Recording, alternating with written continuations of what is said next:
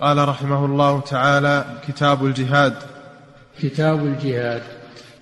الجهاد مصدر جاهد يجاهد جهادا وهو من أفعال المشاركة مثل قاتل يقاتل خاصم يخاصم.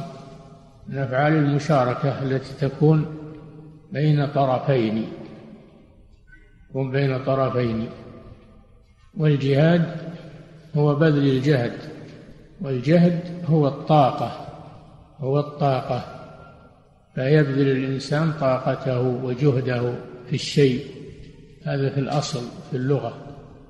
أما الجهاد في الشرع فهو بذل الجهد في قتال الكفار وقتال الخوارج وقتال البغاة.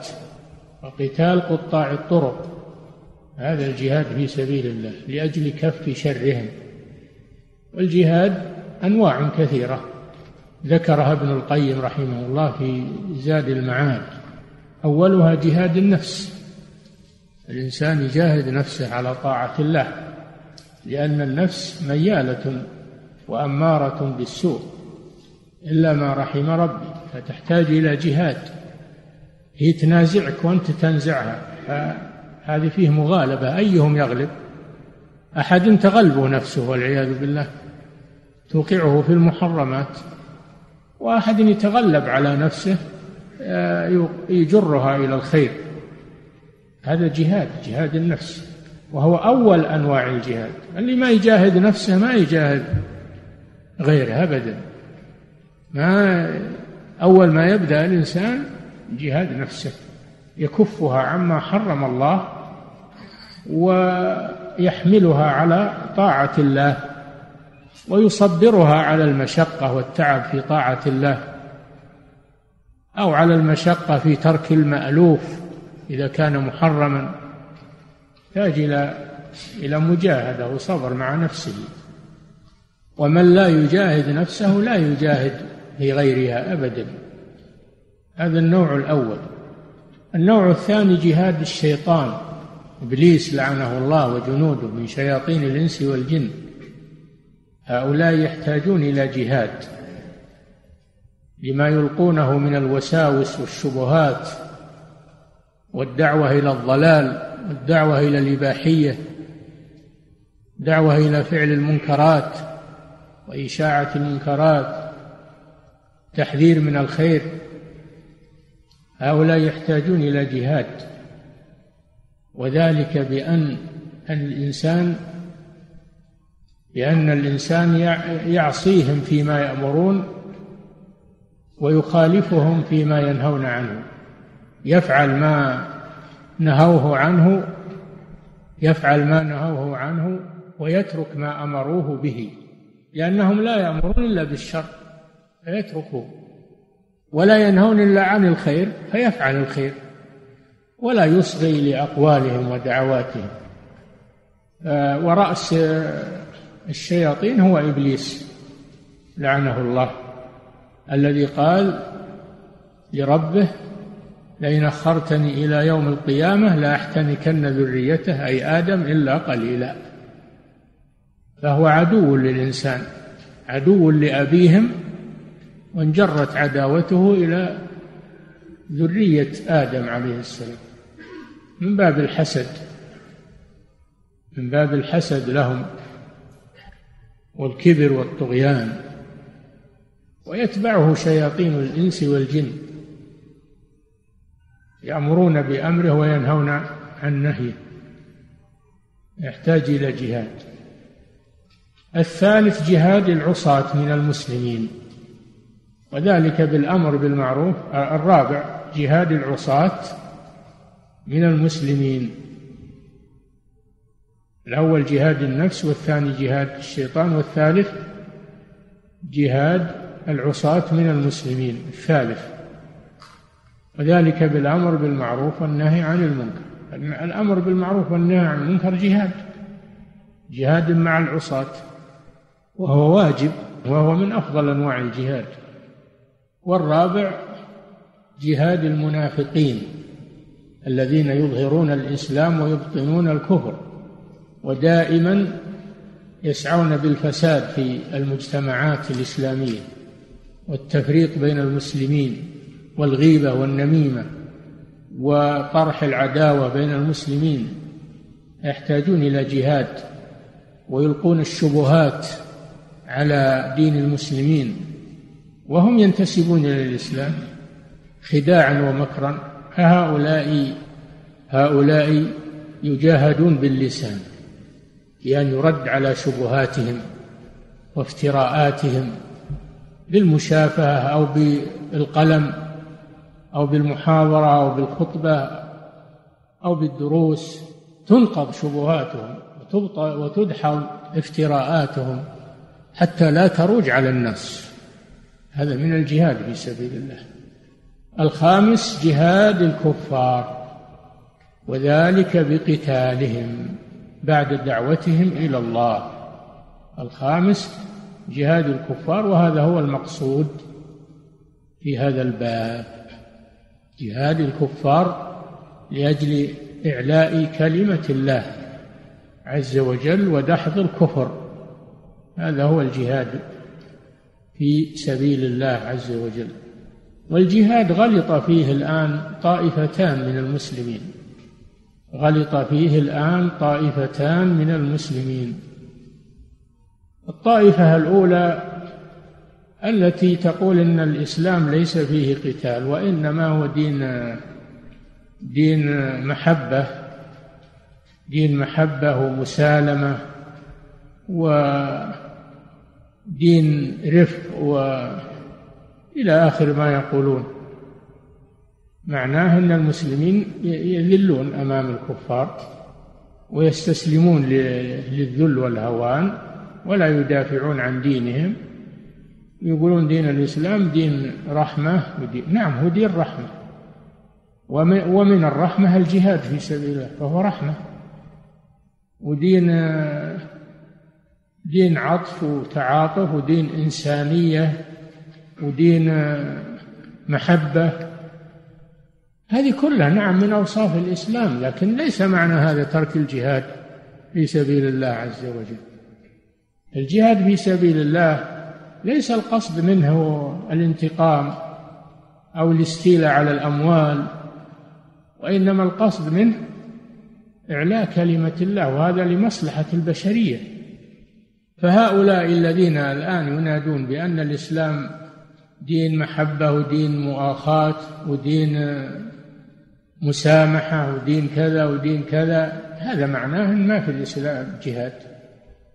وهم يريدون الرد على اليهود والنصارى الذين يقولون إن الإسلام دين دين دموي ودين إرهابي ودين قتال هؤلاء الجهال من المسلمين من المفكرين على ما يسمونهم أو المثقفين الذين ليس عندهم علم يريدون أن يردوا عليه لكن ما أحسن الرد؟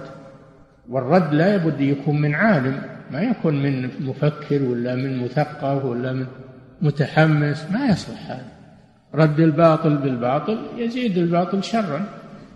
فهم يريدون الرد على الكفار لكن ما هو بهذا طريق الرد؟ الرد على الكفار الذين يقولون إن الإسلام دين دموي ودين قتال. أن نقول اولا أنتم اللي دينكم دموي. أنتم الذين الآن تقتلون المسلمين تؤذونهم تحتلون بلادهم تنهبون خيراتهم تهدمون بيوتهم وتشردونهم. هذا هو الواقع منهم في العراق والواقع منهم في أفغانستان والواقع منهم في بلاد المسلمين. كيف يقولون إن الإسلام دين دموي وهذا فعله؟ الدموي عندهم هم. أين الحروب الصليبية التي استمرت سنين طويلة واحتلوا بيت المقدس واستولوا عليه تسعين سنة تحت وطأتهم وفتكوا بالمسلمين ولم يخلص بيت المقدس إلا صلاح الدين الأيوبي رحمه الله. فالحقيقة أن, أن هذا منجر عليهم هم. مثل ما يقال رمتني بدائها وانسلت. هذا داؤهم هم. هو دينه. دين يعني ما هو دينهم الذي جاء به أنبياءهم حاشا وكلا. لكن دينهم المحرف المبدل المغير الممسوخ هو الذي يفعلون هذا الفعل. فهم يدعون إلى التسامح وإلى المحبة وينددون بالإسلام لأن لكنهم هم الذي عندهم الدموية وعندهم القتل والقتيل والتشريد وخراب الديار. هذا الوجه الأول من الرد عليهم أننا نرد مقالتهم عليهم نقول هذا هو فعلكم الآن بالمسلمين الوجه الثاني أن المسلمين لا يجاهدون من باب الانتقام.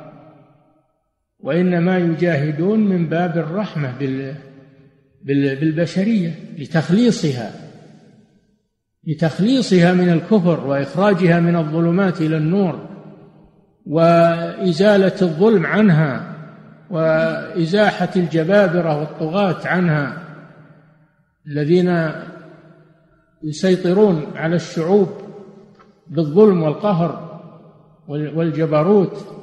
حتى إن منهم من من ادعى الربوبية كفرعون والنمرود وأنه لا ينازع في ظلمه وفي طغيانه وجبروته. فالإسلام إنما جاء لأجل مصلحة البشرية لتخليصها من الكفر وإنقاذها من الظلمات إلى النور ونشر الخير فيهم. ما هو بالقصد منه الانتقام أو الدموية أو هل هذا موجود في قتال في في فعل اليهود والنصارى انهم يقاتلون الشعوب لأجل نشر الخير أو لأجل نشر الشر؟ هم يقاتلون الشعوب لأجل نهب ثرواتها والظلم والطغيان والتعسف والتكبر على الناس. فالإسلام لا يقاتل الناس طمعا في أموالهم أو في ديارهم أو يريد الانتقام منهم وإنما يقاتلهم الرحمة بهم.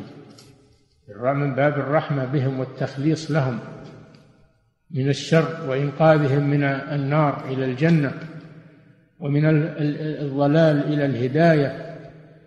المسلمون إذا استولوا على بلد ماذا يكون صنيعهم مع هذا البلد؟ ينشرون فيه العدل ينشرون فيه الرحمة ينشرون فيه العلم كما حصل من آثار الجهاد. في سبيل الله على يد الصحابة ومن جاء بعدهم انتشر الخير في المشارق والمغارب. وبرز العلماء والأئمة من الفرس والروم. أكثر علماء الإسلام من الفرس والروم بسبب جهاد بسبب الجهاد. ولو تركوا لبقوا على ما هم عليه من الكفر والضلال والعياذ بالله. تأمل كم عالم خرج من بلاد فارس. من من بلاد ما وراء النهر من بلاد الشام ومصر من بلاد المغرب والأندلس. صاروا أئمة في العلم والدعوة والخير. هذا بسبب الجهاد في سبيل الله. أما الكفار فإنهم إذا تغلبوا على بلد نشروا فيه الجور والطغيان والجبروت ونهب الثروة وإذلال الضعفاء. هذه هذه نتائج سيطرة الكفار. قارن بينها وبين ما يترتب على الجهاد في الإسلام من الخير للشعوب. فنحن نقاتلهم لمصلحتهم وينالنا مثل ما ينالهم من القتل والجراح. قال تعالى إن تكونوا تألمون فإنهم يألمون كما تألمون. المسلمون يقدمون أنفسهم وأموالهم من أجل نشر الخير في البشرية. هذا هو المقصود من الجهاد في الإسلام لمصلحة البشرية ونشر العدل فيها. ثم إن الجهاد في الإسلام لا يكون إلا بعد الدعوة إلى الله عز وجل. بعد الدعوة إلى الله قدم الدعوة إلى الله فإن استجابوا الحمد لله وإن لم يستجيبوا لا بد من الجهاد لأنهم أصبحوا معاندين عرفوا الخير ولكن أبوا فلا بد من من قتالهم. ولو تركوا لنشروا الكفر في الأرض حتى ما يقتصر كفرهم على أنفسهم بل ينشرونه في الأرض ويدعون إلى الكفر فهذا هو القصد من الجهاد في سبيل الله لا يكون إلا بعد الدعوة. وبعد إصرارهم على الكفر وعنادهم بعد ما تبين لهم الحق. وأيضا المسلمون إذا إذا استولوا على بلد ماذا يصنعون فيه؟ يستذلون أهله يجبرونهم لا يكرمونهم ويرحمونهم. حتى الكفار منهم إذا إذا بذلوا الجزية واستسلموا فالمسلمون يعاملونهم بالعدل. يعاملونهم بالعدل. ومن أسلم منهم هذا خرج من الظلمات إلى النور. فالمسلمون لا يقاتلون إلا بعد الدعوة وتعذر قبول الحق. هذه واحدة. الثانية أنهم لا يقتلون كل أحد من الكفار. لا يقاتلون من سالم. ولم يؤذي المسلمين. لا ينهاكم الله عن الذين لم يقاتلوكم في الدين ولم يخرجوكم من دياركم أن تبروهم وتقسطوا إليهم. إن الله يحب المقسطين. ولا يقتل الطفل ولا يقتل المرأة ولا يقتل الشيخ الهريم ولا يقتل الرهبان الذين تركوا الدنيا وأقبلوا على العبادة. بزعمهم؟ هذا كفرهم قاصر عليهم ما نتعرض لهم. إنما يقتل الداعية الذي يدعو إلى الكفر الذي ينتشر كفره على غيره هذا يقاتل ويقتل. أما الذي يقتصر كفره عليه فهذا لا لا يقتل هذا لا يقتل. الإسلام لا يقتل المعاهد ولا يقتل المستأمن ولا يقتل الذمي. بل لهؤلاء ما للمسلمين وعليهم ما على المسلمين. والمعاهد والذمي والمستأمن يكون من النفس التي حرم الله إلا بالحق. ولا تقتلوا النفس التي حرم الله إلا بالحق. والنفس التي حرم الله هي نفس المؤمن ونفس المعاهد. ومن قتل معاهدا لم يرح رائحة الجنة. فهذا هو الجهاد في الإسلام وما يترتب عليه. من قتل معاهدا لم يرح رائحة الجنة. فهذا هو الجهاد في الإسلام وما يترتب عليه. كله خير ولله الحمد وكله مصالح وكله رحمة. والقصد منه نشر الرحمة لا التعسف والظلم والطغيان كما هو الواقع من الكفار إذا تغلبوا على المسلمين. هذه طائفة وهذا ملخص الرد عليها. الطائفة الثانية من المسلمين غلطت في الجهاد فجعلت الإرهاب جهادا. الإرهاب والترويع والاعتداء على الناس وقتل المعاهدين والمستأمنين اعتبروه جهادا وهو ليس بجهاد إنما هو فساد ليس بجهاد. لا يجوز قتل المستأمن والمعاهد والذمي. قوله صلى الله عليه وسلم من قتل معاهدا لم يرح رائحة الجنة. في قوله تعالى ولا تقتلوا النفس التي حرم الله إلا بالحق فهؤلاء غلطوا في الجهاد ونزلوا في غير منزلته واعتبروا الإفساد في الأرض جهادا. وهذا يشوه الإسلام. تعاهدوا ثم تقتله أو تأمنوا ثم تقتله. هذا يشوه الإسلام. أو ولي الأمر عقد معهم العهد تجي أنت تخون ولي الأمر.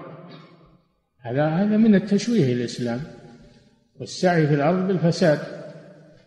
بل اعتبروا أن أن أن الانتحار إن الانتحار بالتفجيرات يعتبرونه من الاستشهاد في سبيل الله وهو من قتل أنفسهم ومن قتل نفسه عذبه الله في النار. كما في الحديث من قتل نفسه بحديدة حديدته في يده يجأ بها نفسه في نار جهنم. قتل نفسه بسم فسمه بيده يتحساه في نار جهنم.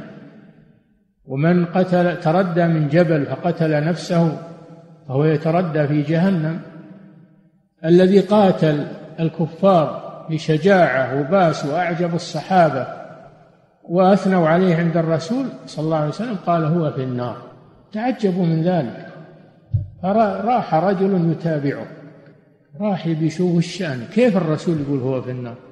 فالرجل لما جرح واشتد به الألم جزع والعياذ بالله فقتل نفسه. قتل نفسه. فجاء إلى الرسول صلى الله عليه وسلم ذلك الرجل وأخبر أخبره بشأن الرجل الذي قال هو في النار. الرسول لا ينطق عن الهوى صلى الله عليه وسلم. فدل على أن الذي يقتل نفسه هو في النار. وهؤلاء يقولون لا اللي يقتل نفسه بالتفجير والانتحار هذا هذا شهيد في سبيل الله. هذا من غلطهم وعدم فقههم في دين الله. وكذلك الخوارج الذين يخرجون على ولي الأمر ولي أمر المسلمين لمجرد خطأ يلاحظونه عليه الرسول صلى الله عليه وسلم أمرنا بالسمع والطاعة. ولو كان الولاة عندهم أخطاء ما لم تصل إلى حد الكفر. ما لم تصل إلى حد الكفر. أما ما دامت الأخطاء دون الكفر فإننا نطيعهم نصبر على ذلك. لأن الصبر على ما عليهم من الملاحظات أخف من المفاسد التي تترتب على الخروج عليهم من سفك الدماء واختلال الأمن وضياع وتسلط العدو علينا. فهذا من غلطهم أيضا من غلط الخوارج والمعتزلة. ومن تأثر بهم من شباب العصر اليوم من الانتحاريين والإرهابيين هذا هذا غلط في الجهاد. ليس هذا هو الجهاد في سبيل الله. هذا ليس هو الجهاد في سبيل الله.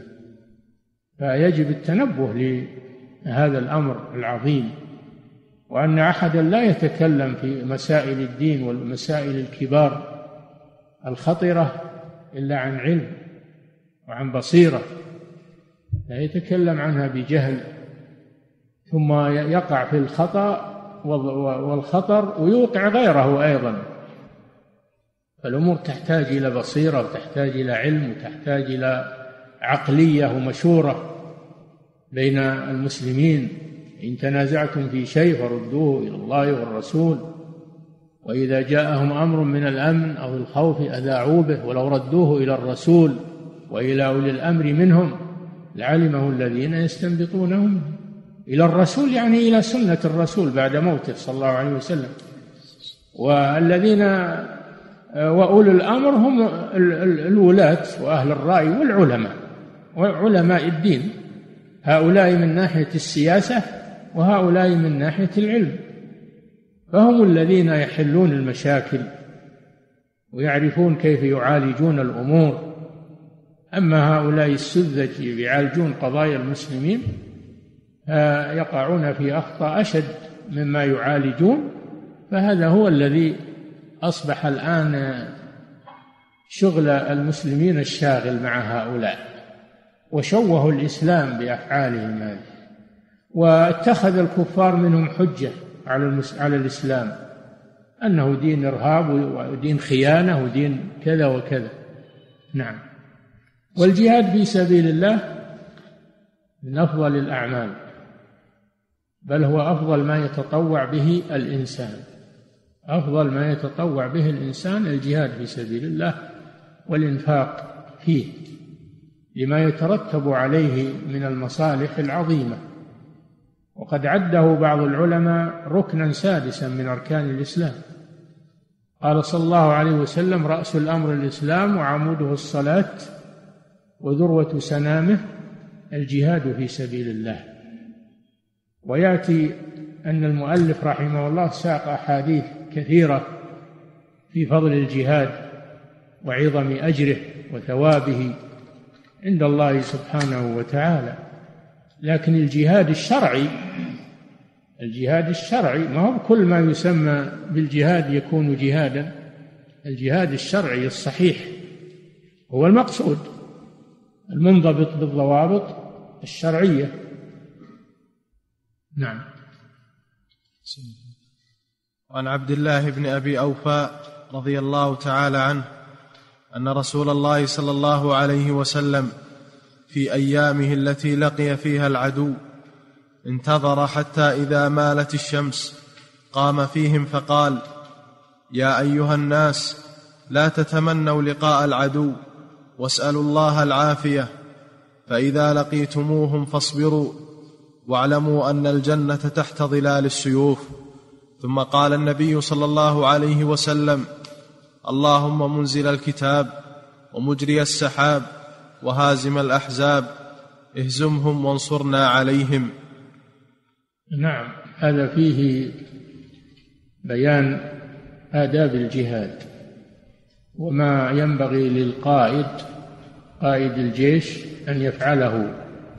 فهذا رسول الله صلى الله عليه وسلم هو قائد الجيش في بعض المغازي.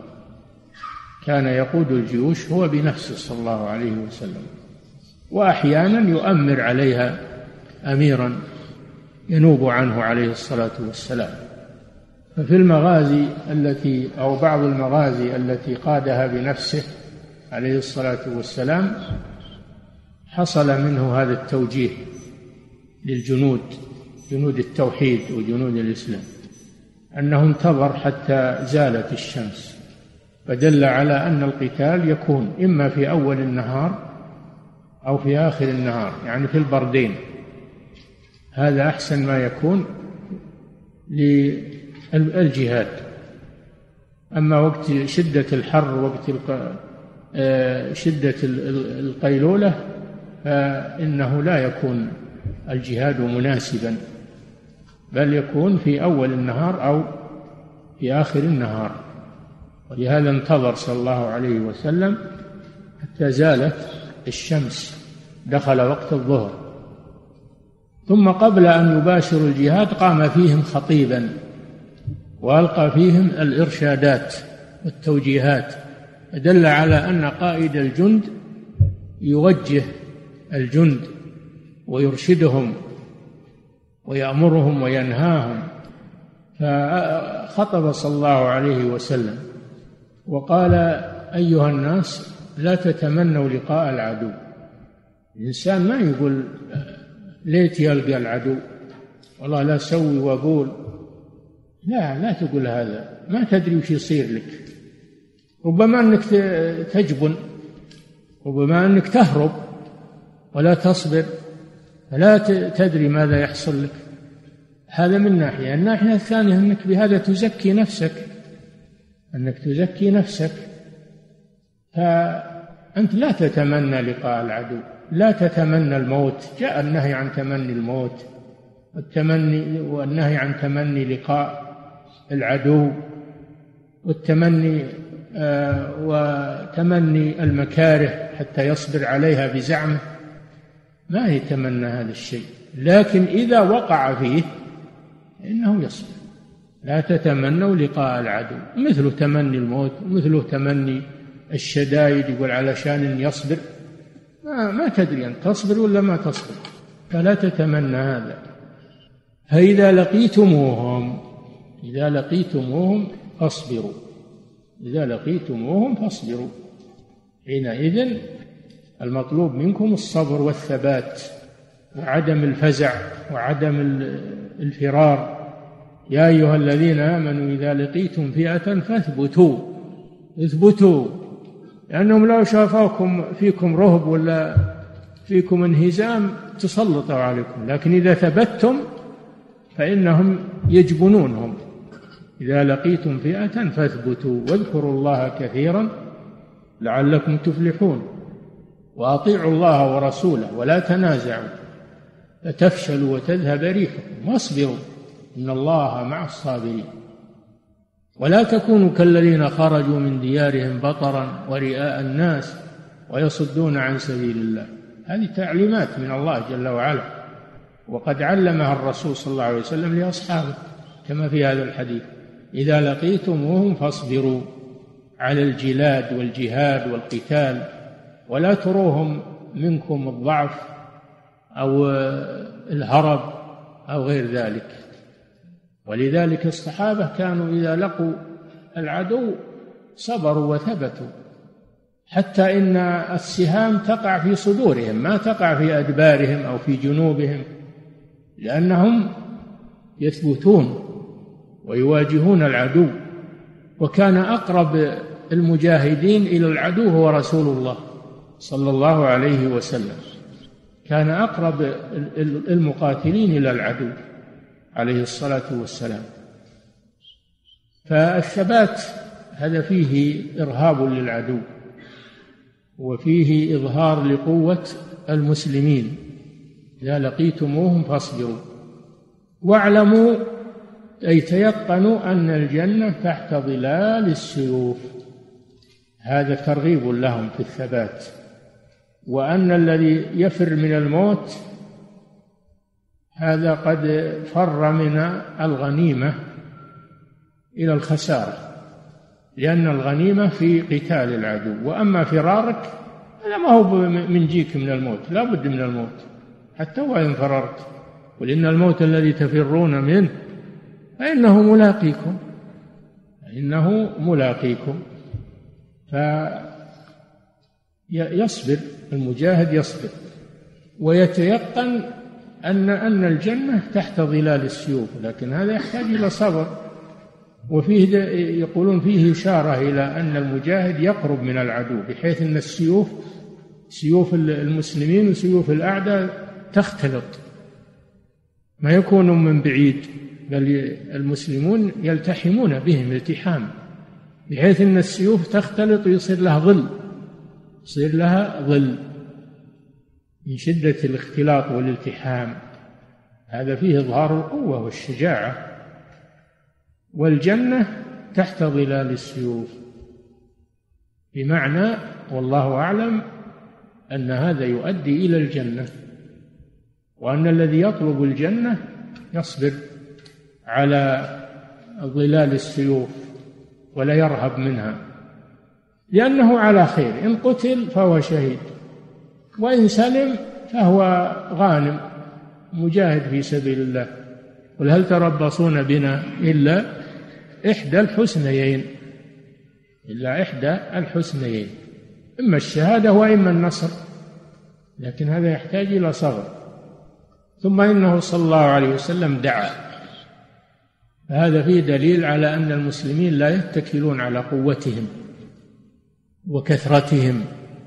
وإنما يلجؤون إلى الله عز وجل ويدعونه. وليس المدار على الكثرة المدار على الإيمان والصدق.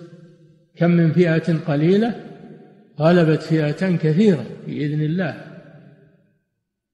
ويوم حنين إذا أعجبتكم كثرتكم فلم تغن عنكم شيئا وضاقت عليكم الأرض بما رحبت ثم وليتم مدبرين.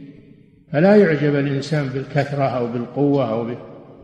بل يلجأ إلى الله ويدعو الله. وكان صلى الله عليه وسلم يكثر الدعاء عند القتال كما دعا في بدر وفي هذه الوقعة دعا عليه الصلاة والسلام. فهذا فيه أن المسلمين لا يتكلون على قوتهم وعددهم وإنما يلجؤون إلى الله في طلب النصر. إن ينصركم الله فلا غالب لكم. وإن يخذلكم فمن ذا الذي ينصركم من بعد. النصر بيد الله سبحانه وتعالى. لكن السلاح والرجال هذه أسباب. ليست هي النصر وإنما هي أسباب للنصر. وأما النصر فهو بيد الله سبحانه وتعالى. وفي الحديث التوسل بأسماء الله وصفاته. اللهم منزل الكتاب مجري السحاب هازم الأحزاب. آه اللهم اللهم منزل الكتاب وهو القرآن العظيم أو جميع الكتب السماوية بهداية الناس. اللهم منزل الكتاب ومجري السحاب لأن السحاب هذا من عجائب قدرة الله يسوقه حيث يشاء ويأمره ويمنعه. السحابة تأتي محملة بالماء ولا ينزل منها ولا قطرة. وتذهب إلى بلاد أخرى فتنزل ماءها فيها لأن الله أمرها بذلك وهو الذي يجريها سبحانه وتعالى. وليست الطبيعة كما يقولون. لو كانت الطبيعة لصارت الأرض كلها سواء. لكن كون المطر يصرف من بلد إلى بلد ومن أرض إلى أرض هذا دليل على أنه بيد الله سبحانه وتعالى. هو الذي ينزل الغيث من بعد ما قنط. فالذي يجري السحاب هو الله جل وعلا. وهازم الأحزاب هازم الأحزاب يعني من الكفار الذين تحزبوا على رسول الله صلى الله عليه وسلم وهزمهم الله كما في وقعة الأحزاب. هذا توسل بأسماء الله وصفاته سبحانه وتعالى. الله تعالى أعلم وصلى الله وسلم على نبينا محمد وعلى آله وصحبه.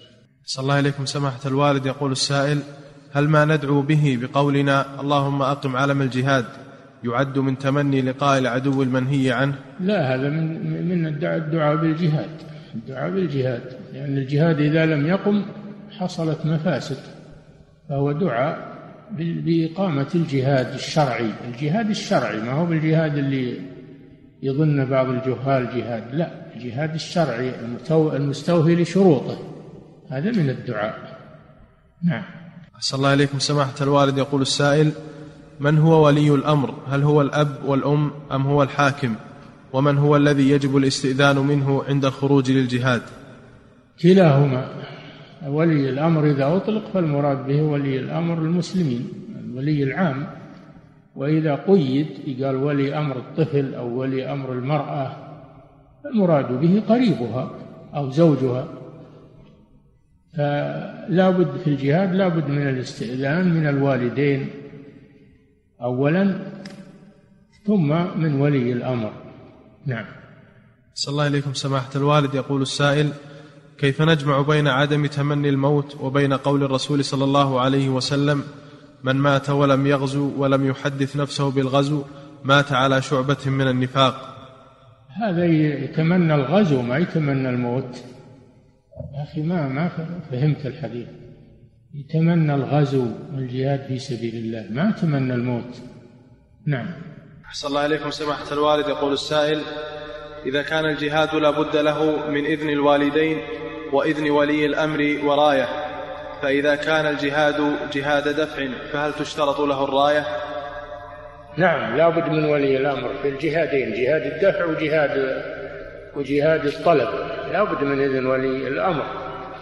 أنتم تعلمون الذين هجم العدو على بلادهم فصاروا طوائف. كل طائفة تقاتل منفردة عن الأخرى. لما انتصروا ماذا حصل؟ تنازعوا بينهم وتقاتلوا كل واحد يقول أنا الذي حصلت البلاد وأنا الذي أريد الحكم. فتقاتلوا بينهم وفشل فشلوا. تدخل العدو الكافر وسلب البلاد. والعياذ بالله بسبب هذا الأمر. فلا بد من أن يكون الجهاد تحت تدبير ولي أمر سواء كان دفاعا أو طلبا. نعم.